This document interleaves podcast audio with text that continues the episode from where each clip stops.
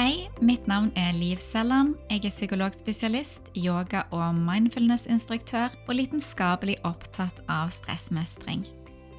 Dette er podkasten Overskuddsliv, en podkast som vil gi deg kunnskapen og motivasjonen til god stressmestring, sånn at du kan leve ditt beste liv med overskudd til det du ønsker.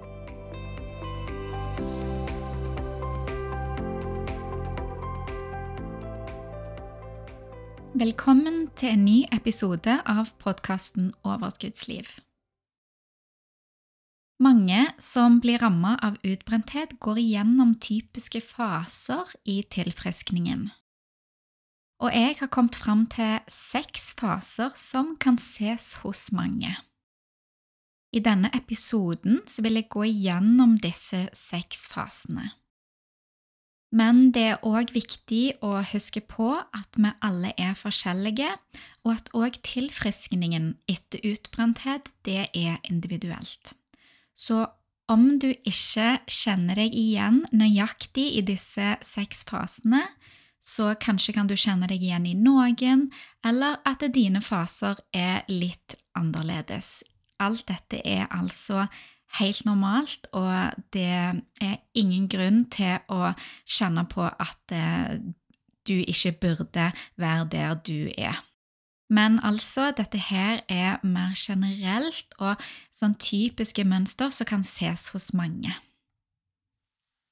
Den første fasen, det er fornektelse. I denne fasen så kjører en typisk veldig høyt på, en har høyt tempo, eh, og den kjennetegnes av at den presser seg. En god del symptomer begynner å øke, men ofte så er det sånn at vi òg prøver å normalisere disse symptomene i dette stadiet. At de kommer gjerne så gradvis at vi tenker at de er normale, eller at de blir som en slags normaltilstand. Vi gjør mer av det som har hjulpet tidligere, vi bruker gjerne kaffe, ekstra mye kaffe, Paracet, presser oss hardere, prøver gjerne å skru opp intensiteten enda mer på trening for å prøve å håndtere symptomene. Det blir vanlig å være trøtt, ha hodepine, være svimmel, søvnproblemer, ha angst, være nedstemt eller være irritabel. Mye av disse tingene begynner med å tenke at ja, det er jo sånn livet er, det er jo sånn det er. Men gjerne en del av oss òg har en mistanke om at ja, det burde kanskje ikke vært sånn, kanskje ikke alle har det sånn som dette. Mange går i årevis i dette stadiet, og det er ikke alle som går videre til utbrenthet. Men de som klarer å presse seg hardest, de gjør ofte det. At de kommer til et punkt hvor kroppen og hjernen ikke klarer å gjennomføre den normale hverdagen din eh, lenger, og den sier stopp.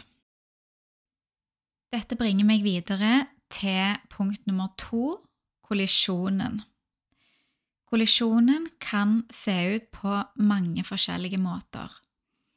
Fellestrekk det er at det kommer etter lang tids belastning som har vært mer enn hva kroppen og hjernen tåler. Jeg vil gi noen eksempler på hvordan kollisjonen kan se ut. Noen forteller om sykdomslignende symptomer som slår de helt ut og ikke går over. At de, ikke, de finner ikke helt ut hva det er, men det kjennes rett og slett ut som en bare føler seg Føles som en har influensa, eller en bare føler seg helt elendig og en klarer ikke å, å komme over det eller å, å, hente seg inn igjen, sånn at en ikke får til å fungere lenger. Noen forteller at de våkner en dag, og at de fysisk ikke klarer å komme seg ut av sengen fordi kroppen er så sliten. Rett og slett at armene blir så tunge, beina blir så tunge, en fysisk klarer ikke å reise seg opp og begynne på dagen sin. Andre forteller om lammende angst og panikkanfall som gjør at de ikke klarer å jobbe videre, eller ikke klarer å prestere videre i de områdene som, som en har eh, hatt ansvar for tidligere. Noen forteller at det kjennes ut som at hjernen ikke virker ordentlig lenger, de klarer ikke å henge med i samtaler, de klarer ikke å lese eller å få med seg et TV-program. For noen så er dette krasjet plutselig og kraftig, mens for andre så er det mer en slags kjedekollisjon. At en føler seg verre og verre og verre, helt til en en dag må overgi seg. Og For noen så ender denne kollisjonen faktisk opp på sykehus fordi symptomene er så intense at en tror, og legen gjerne tror, at det er noe alvorlig galt. Bare for da å finne ut at alt ser ut som det skal, men konklusjonen blir gjerne at det er alvorlig stress som er årsaken. Punkt nummer tre det er avstand og hvile. Når en har kollidert, så er dette det eneste som hjelper, og det eneste en klarer i den perioden. Kroppen sørger rett og slett for at du legger deg ned og hviler. Og da er det avstand til det som har stressa, som kjennetegner starten av dette steget. Mye hvile, gjerne to til fire uker med mye søvn og ro, både fysisk og mental ro. Fysisk aktivitet i denne perioden, om det er noe i det hele tatt, så skjer det bare med lett intensitet.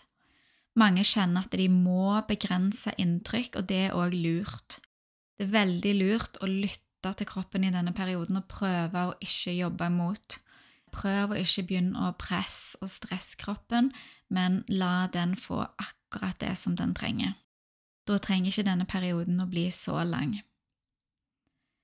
Noen begynner litt ute i denne perioden å søke etter et eller annet som kan fikse de.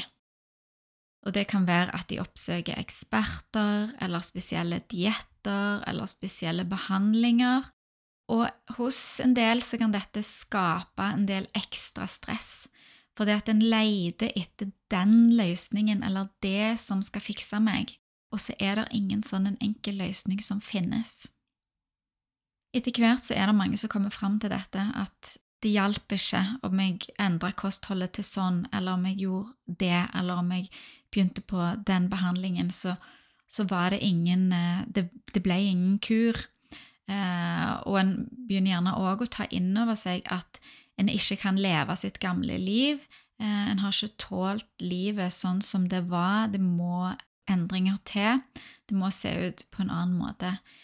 En kommer til et punkt hvor en rett og slett overgir seg, og da kan det komme følelser av tristhet, av sorg, for det som en ser at en ikke kan ha videre, da dette livet som en ser at en ikke kan ha videre, eller det må se annerledes ut.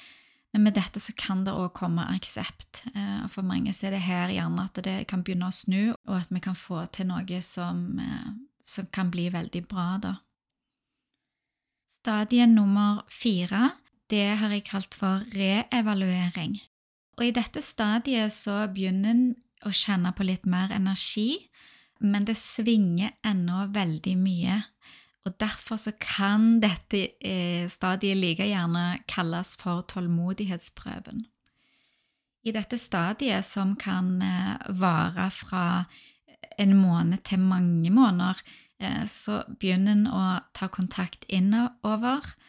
En begynner å se på og utfordre gamle mønster som har ført den inn i utbrenthet i og med at en del av energien begynner å komme tilbake, eller noe av det i hvert fall begynner å komme tilbake for mange, så har en mer overskudd på å se på sine mønster og begynne å jobbe litt mer i dybden. Vi gjør gjerne en reevaluering her av tidligere livsstil og en reevaluering av tidligere prioriteringer. Og hvordan skal livet se ut framover? Det blir et spørsmål som eh, de fleste her må forholde seg til. Og I den forbindelse kan, så kan dette med verdier òg bli viktige. At en kan se på hva er det som er mine viktigste verdier? Hva er det jeg ønsker å prioritere når jeg blir frisk igjen og framover? Hva ønsker jeg skal være i livet mitt? Kroppen trenger ennå mye hvile i denne fasen reevaluering. Men det er nyttig å begynne å ta opp igjen litt mer av det som gir glede og mening i dette stadiet. Den største utfordringen i denne fasen er gjerne det å porsjonere ut energien og ikke bruke opp alt selv om en føler seg frisk en dag. Det er individuelt ja, hvor lenge denne fasen varer, og det avhenger av mange ting. Og kanskje særlig så avhenger det av hvor godt en klarer å akseptere at dette tar tid, nå er jeg her jeg er, og ta hensyn til symptomer og være litt forsiktig og ikke bruke opp alt en har. Hvis en har mye energi en dag, ha det som mål at det skal være igjen energi på slutten av dagen. Du skal ha igjen energi når du legger deg. Det er da kroppen helbreder seg, og tilfriskningsprosessen går raskere hvis du klarer å, å ha igjen energi. Stadie nummer seks det er steget tilbake til normal hverdag. Når en begynner å kjenne på overskudd de fleste dager, og symptomene ikke lenger er så sterke, så er det på tide for mange å begynne å ta steget tilbake til en vanlig hverdag. Det vil si å øke opp med noen av stressordene igjen, veldig forsiktig, for noen så vil det være å eh, begynne i jobb og begynne å ta på seg litt av det ansvaret som en hadde tidligere. En del forteller om oppløsning av symptomer akkurat idet de begynner å jobbe igjen, så det kan være greit å være obs på dette og gjerne òg forvente det. Og tenk at hjernen din den er vant med lite inntrykk hjemme, og så skal han plutselig forholde seg til alt som kommer med det å være i jobb. Det er lyset og lydene, gjerne kjøreturen til jobb, sosialiseringen i lunsjen og oppgavene. Mange gjør lurt her og begynner forsiktig, og det vet de fleste fastleger òg, og de begynner gjerne å, å, med en gradert sykemelding og anbefaler en eh, gradert sykemelding i starten. Gjerne ikke begynn mer enn 20 og så øk heller opp når det kjennes greit ut for kroppen. Du kan heller øke opp hvis du skulle skjønne at dette går helt fint, jeg klarer mer. Eh, for mange er det verre, og det å skulle trappe ned igjen, det kan kjennes mer som et nederlag med at en eh, føler at en ikke klarte det allikevel. Stadie nummer seks, det har jeg kalt for frisk. Dersom en klarer å balansere stressordene, så vil kroppen etter hvert komme opp i funksjon, og du vil kjenne deg friskere. Det kan ta en god stund før en kjenner at en kommer helt hit, og hvor fort det skjer, avhenger av mange ting, men blant annet så avhenger det jo av hvor mye endringer en klarer å gjøre i seg sjøl, hvor godt en klarer å jobbe med de indre stressordene og de ytre stressordene, og om en har fått på plass bedre stressmestringteknikker som gjør at en klarer å roe ned kroppen på det jevne, eh, sånn at vi unngår å havne inn i kronisk stress igjen.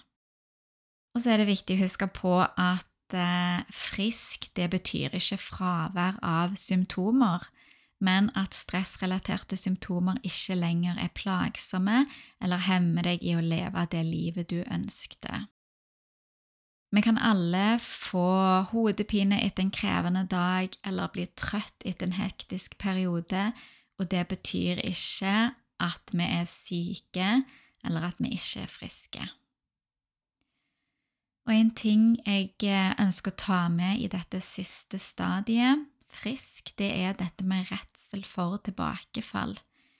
For når vi har vært i en sånn alvorlig situasjon med alvorlig sykdom, så utbrenthet egentlig er, så kan vi bli redde for tilbakefall og redde for at det skal skje igjen. Og da kan det være lett å bli litt for forsiktig og ta for mye hensyn. Dette skjer ikke med alle, men det er en del eller noen som opplever det. Og dette kan òg stjele livskvalitet dersom vi skal gå og passe på for mye og være for forsiktige, at vi gjerne sier nei til ting som vi egentlig ønsker å være med på, eller ikke gjør ting som kunne gitt oss mestring og glede. Om du kjenner deg igjen i dette med at du kanskje er litt for forsiktig, husk at det, det Gjør ikke noe om du gjør for mye en dag eller en uke, så lenge du passer på å hente deg godt inn igjen etterpå.